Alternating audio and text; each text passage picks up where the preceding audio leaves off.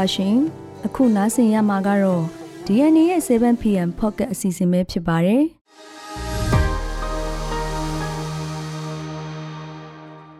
ဒီကနေ့ဇန်နဝါရီလ15ရက်နေ့ရဲ့ Pocket အတန်လွှင့်အစီအစဉ်မှာတော့ပလဝဒေတာတစ်ခုလုံးကိုထိန်းချုပ်နိုင်ပြီလို့အေးအေးကြေညာလိုက်တဲ့တဲ့ကိုကန့်ဒေတာအတွင်းစစ်ကောင်စီရဲ့အမိန့်ညွှန်ကြားချက်တွေကို MNDAA ဖျက်သိမ်းလိုက်တဲ့ဆိုတဲ့တဲ့မုံမျိုးတိုက်ပွဲအတွင်း ဖမ်းမိတဲ့တုတ်ပန်းတွေကိုကောင်းမွန်စွာဆောက်ရှောက်ထားတယ်လို့ KNU ပြောဆိုလိုက်တဲ့တဲ့မအူပင်ထောင်မှာနိုင်ချင်းအမျိုးသမီးတွေလိမ်ပိုင်းဆိုင်ရာထိပါခံနေရတယ်ဆိုတဲ့တဲ့ညီနောင်မဟာမိတ်သုံးပွဲရဲ့ထုတ်ပြန်ချက်ကိုဓာတ်ရိုက်မတုတ်ပြန်ရတဲ့စစ်ကောင်စီကမီဒီယာကိုအပြစ်တင်လိုက်တယ်ဆိုတဲ့တဲ့စရပြည်တွင်းသတင်းနေနဲ့အတူဒိမတ်ဘရင်အစ်စ်ကိုထောင်ပေါင်းချီတဲ့ပြည်သူတွေကောင်းကြီးပေးနှုတ်ဆက်တယ်ဆိုတဲ့တဲ့စီနင်းသိမ်းယူထားတဲ့အမေရိကန်ရေနံတင်သင်္ဘောရဲ့ပုံရိပ်တွေကို အီရန်ထုတ်ပြလိုက်တဲ့ဆိုတဲ့သတင်းစတဲ့နိုင်ငံတကာသတင်းတွေကိုနားဆင်ရမှာပဲဖြစ်ပါတယ်ရှင်။ဒီအစီအစဉ်ကိုတော့ကျမစိတ်နဲ့အတူမက်နန်းခန်းကတင်ဆက်ပေးပါမယ်ရှင်။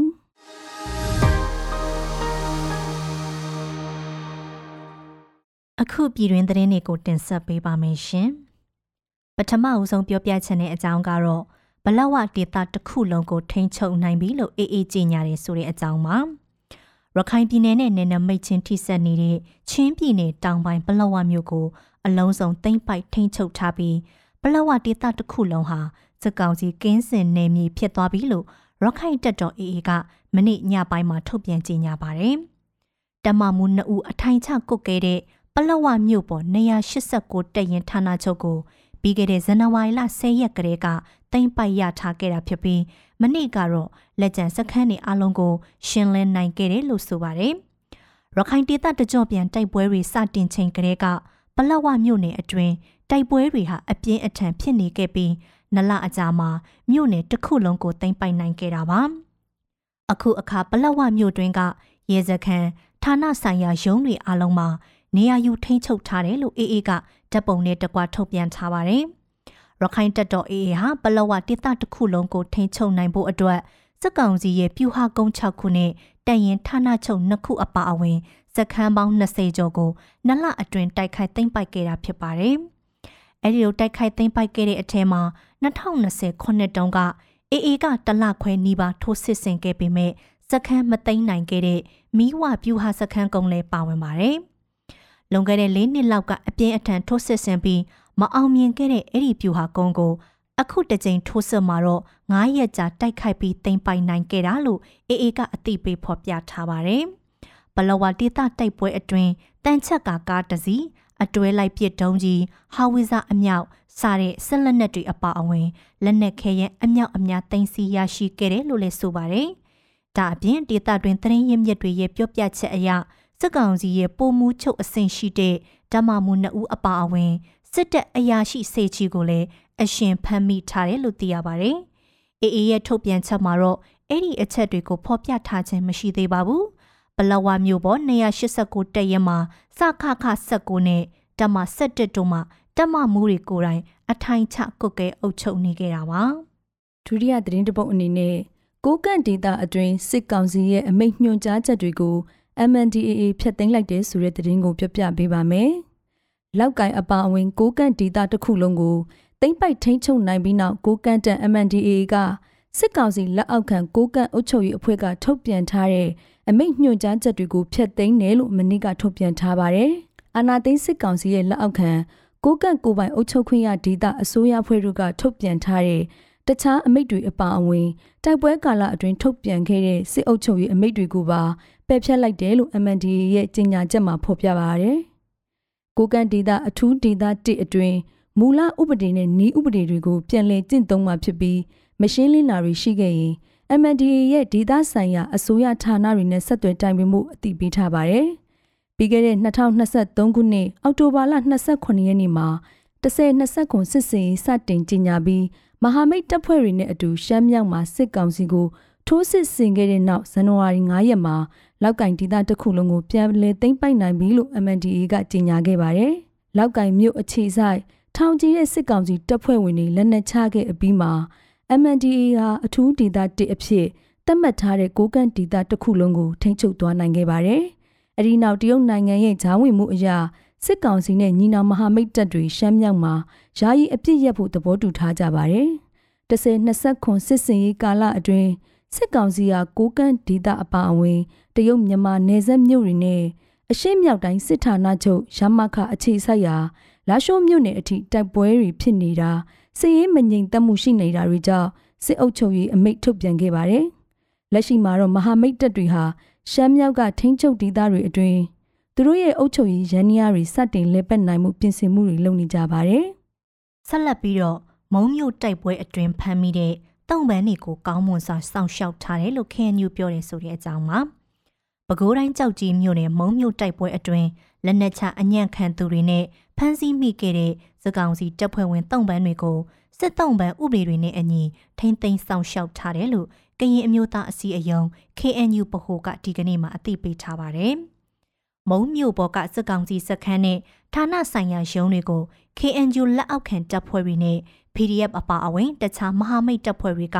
နိုဝင်ဘာလကုန်ပိုင်းနဲ့ဒီဇင်ဘာလဆန်းပိုင်းမှာထိုးစစ်ဆင်ပြီးတော့တိုက်ခိုက်သိမ်းပိုက်ခဲ့တာဖြစ်ပါတယ်။အဲ့ဒီတိုက်ပွဲတွေအတွင်းစက်ကောင်စီတပ်ဖွဲ့ဝင်19ဦးလက်နက်ချခဲ့ပြီးတက်မိသားစုဝင်42ဦးကိုတော့တိုက်ပွဲဖြစ်နေချိန်လက်နက်ကြီးလေကြောင်းတိုက်ခိုက်မှုတွေကနေဘေးလွရာကိုရွှေ့ပြောင်းပေးခဲ့ရတယ်လို့ဆိုပါတယ်။ အဲ့ဒီစစ်တုံးပန်းတွေကိုအပြည်ပြည်ဆိုင်ရာလူအခွင့်အရေးကြီးညာစာတမ်းပါအချက်တွေကိုချိုးဖောက်ခြင်းမရှိဘဲလူသားတဦးရဲ့ကုံတိတ်ခါနဲ့အညီရှင်တန်ရက်တီနိုင်ရေးကိုကြီးစောင့်ရှောက်ပေးထားတယ်လို့ KNU ကထုတ်ပြန်ချက်မှာဖော်ပြထားပါတယ်။အာနာသိန်းစကောင်စီတပ်တွေဟာစစ်ရေးအရေးနှိမ်မှုတွေကြောင့်အဖက်ဖက်ကဆုတ်ယုတ်လာချိန်မှာ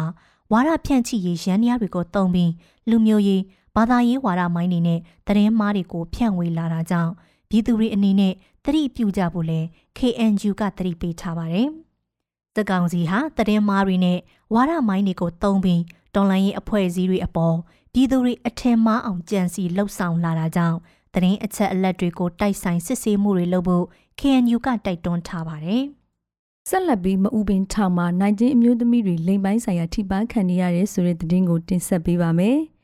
AR တိုင်းမအူပင်အကျဉ်းထောင်မှာရှိတဲ့နိုင်ငံရေးအကျဉ်းသူတွေကို လုံခြုံရေးအကြောင်းပြပြီးထောင်အာဏာပိုင်တွေကလိမ်ပိုင်းဆိုင်ရာထိပန်းနှောက်ယှက်မှုတွေကျူးလွန်နေတယ်လို့နိုင်ငံရေးအကျဉ်းသားများကွန်ရက်တာဝန်ရှိသူကိုတိုက်ထွန်းဦးကပြောပါရယ်မအူပင်ထောင်အာဏာပိုင်တွေဟာနိုင်ငံရေးအကျဉ်းသူတွေကိုတရားရုံးထုတ်ချိန်နဲ့ပြန်ချိန်တွေမှာအမျိုးသမီးကိုနဲ့ဆက်အူတွေကိုလက်နဲ့နှိုက်ပြီးရှာဖွေတာတွေလုပ်နေတာလို့ဆိုပါရယ်မအူပင်ထောင်မှာရှိတဲ့အစမှုဒေါ်မီဆွင်ထွန်းနဲ့ဝန်ထမ်းတွေကနိုင်ငံရေးအကျဉ်းသူတွေကိုတရားရုံးဝင်ထွက်ချိန်တွေမှာ ရုပ်ရင်းကြမ်းတမ်းစွာပြောဆိုပြီးအဆောင်ရှိလူမြင်ကွင်းရှိမှာအဝိပလာထားကစစ်ဆေးတာတွေပြုလုပ်လို့ရှိတယ်လို့နိုင်ငံရေးအကျဉ်းသားများကွန်ရက်ကပြောပါရယ်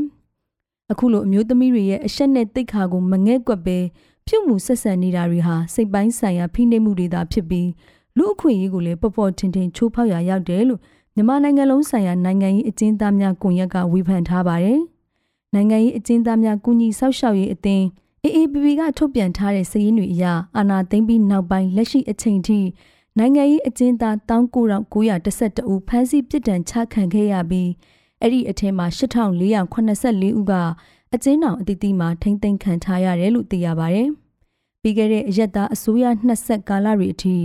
အကျဉ်းထောင်တွင်အကျဉ်းသားအခွင့်အရေးနဲ့လူအခွင့်အရေးစံနှုန်းတွေလိုက်နာမှုအားနည်းနေသေးပဲလို့ဝေဖန်ခံနေရတဲ့မြန်မာနိုင်ငံမှာ အာဏာသိမ်းပြီးနောက်အခြေအနေတွေပိုဆိုးလာပြီးနိုင်ငံရေးအကျဉ်းသားတွေဟာပြစ်မှတ်ထားဖိနှိပ်ခံနေရတယ်ဆိုတဲ့ထောက်ပြချက်တွေနဲ့အချက်အလက်တွေများပြားရှိနေပါတယ်။စစ်အာဏာသိမ်းပြီးနောက်ပိုင်းနိုင်ငံတော်ဝန်မှာရှိတဲ့ထောင်တွေမှာလုံလောက်တဲ့စေဝါကုသခွင့်နဲ့စေဝါမရရှိတာ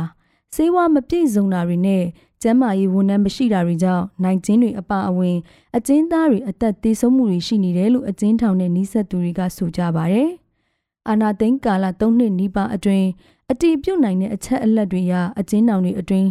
လုံလောက်တဲ့ကျန်းမာရေးစောင့်ရှောက်မှုမရလို့တည်ဆုံးရတဲ့နိုင်ငံရေးအကျဉ်းသား20နီးပါးအထိရှိနေပါတယ်။ဆက်လက်ပြီးပြောပြချင်တဲ့အကြောင်းကတော့ညီနောင်မဟာမိတ်သုံးဖွဲ့ရဲ့ထုတ်ပြန်ချက်ကိုတိုက်ရိုက်မတုံ့ပြန်ရေးတဲ့စက်ကောင်စီက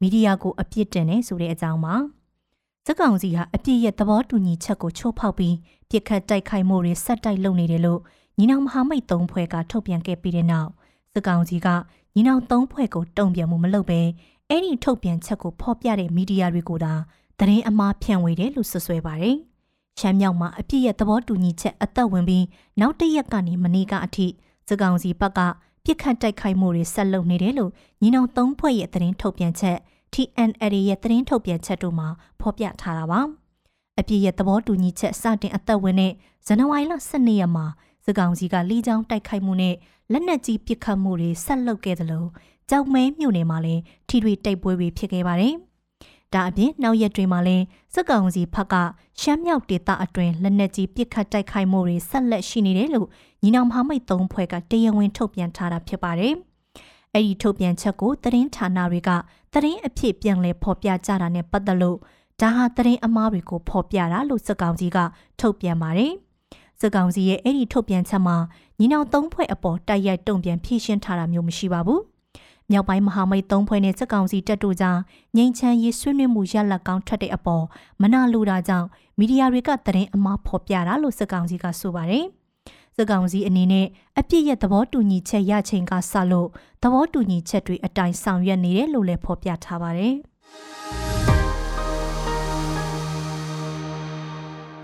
အခုဆက်လက်ပြီးတော့ နိုင်ငံတကာသတင်းတွေကိုတင်ဆက်ပေးပါမယ်ရှင်။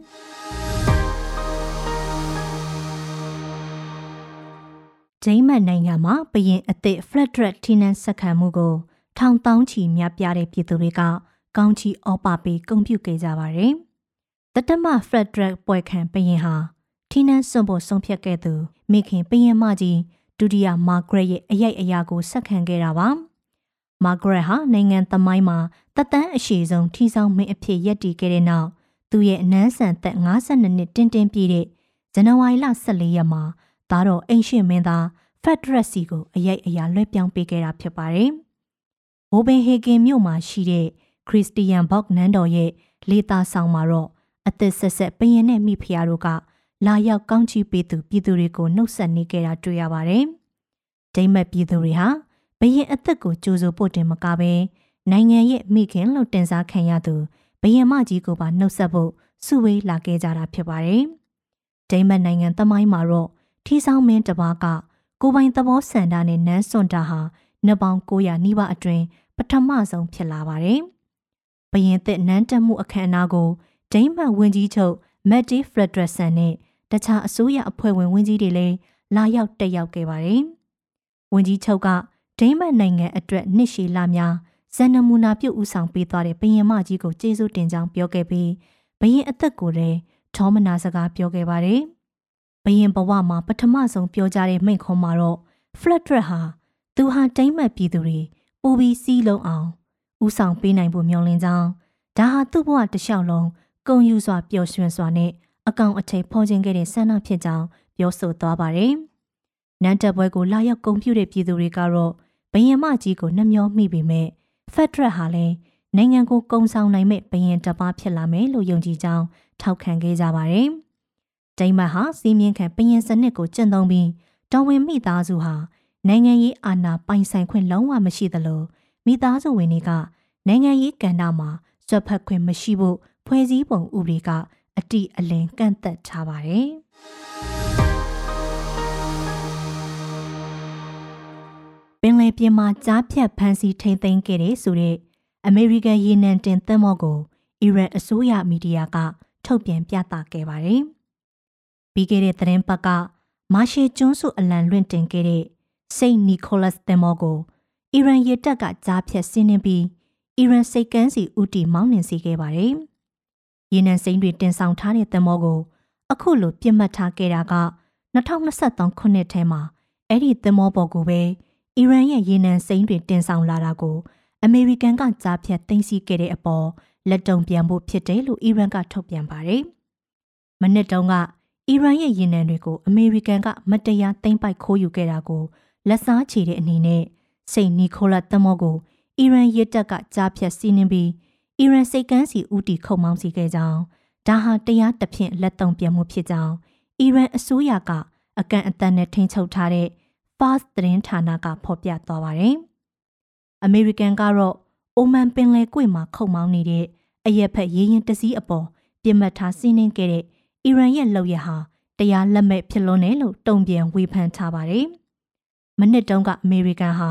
အဲ့ဒီရေရင်ကိုပဲကွဲပြားတဲ့ဆူဝါရာဂျန်ဆိုတဲ့နာမည်နဲ့ခုံမောင်းပြေးဆွဲနေချိန်တတင်ဆောင်လာတဲ့အီရန်ရေနံတွေကိုကြားဖြတ်ဟန်တာသိမ်းယူခဲ့ပူပါတယ်။ပြီးခဲ့တဲ့သတင်းပတ်ဖြစ်စဉ်မှာတော့ စိတ်နီခိုလတ်ဟာအိုမန်ပိုင်ဆိုဟာမြို့ကမ်းလွန်ရေပြင်မှာခုံမောင်းနေချိန်လက်နက်ကင်တွေတက်ရောက်စီးနှင်းတာခံရပြီးအီရန်ပိုင်ဘန်ဒါအီဂျက်စစ်ကမ်းကိုဥတီခုံမောင်းခဲ့ရတာဖြစ်ပါတယ်။သမောပေါ်မှာရေနံစိမ်းမက်ထရစ်တန်3,4500လောက်ပါရှိသွားပြီးဖလစ်ပိုင်နိုင်ငံသား18ဦးနဲ့ဂရိတအူအမှုထမ်းစုစုပေါင်း19ဦးလိုက်ပါသွားခဲ့ပါတယ်။ပင်လယ်နီရေပြင်မှာလည်း အီရန်ရဲ့အထောက်အပံ့ခံဟိုတီတပုံတွေကယီမင်နိုင်ငံမှာအခြေစိုက်ပြီးအရက်ဖက်သမောတွေကိုပြစ်မှတ်ထားတိုက်ခိုက်နေတဲ့အတွက်အမေရိကန်နဲ့တင်းမာမှုတွေမြင့်တက်နေချိန်မှာအီရန်ရေတပ်ကပါအခုလိုစီးနှင်းမှုမျိုးလှုပ်ဆောင်ခဲ့တာဖြစ်ပါတယ်။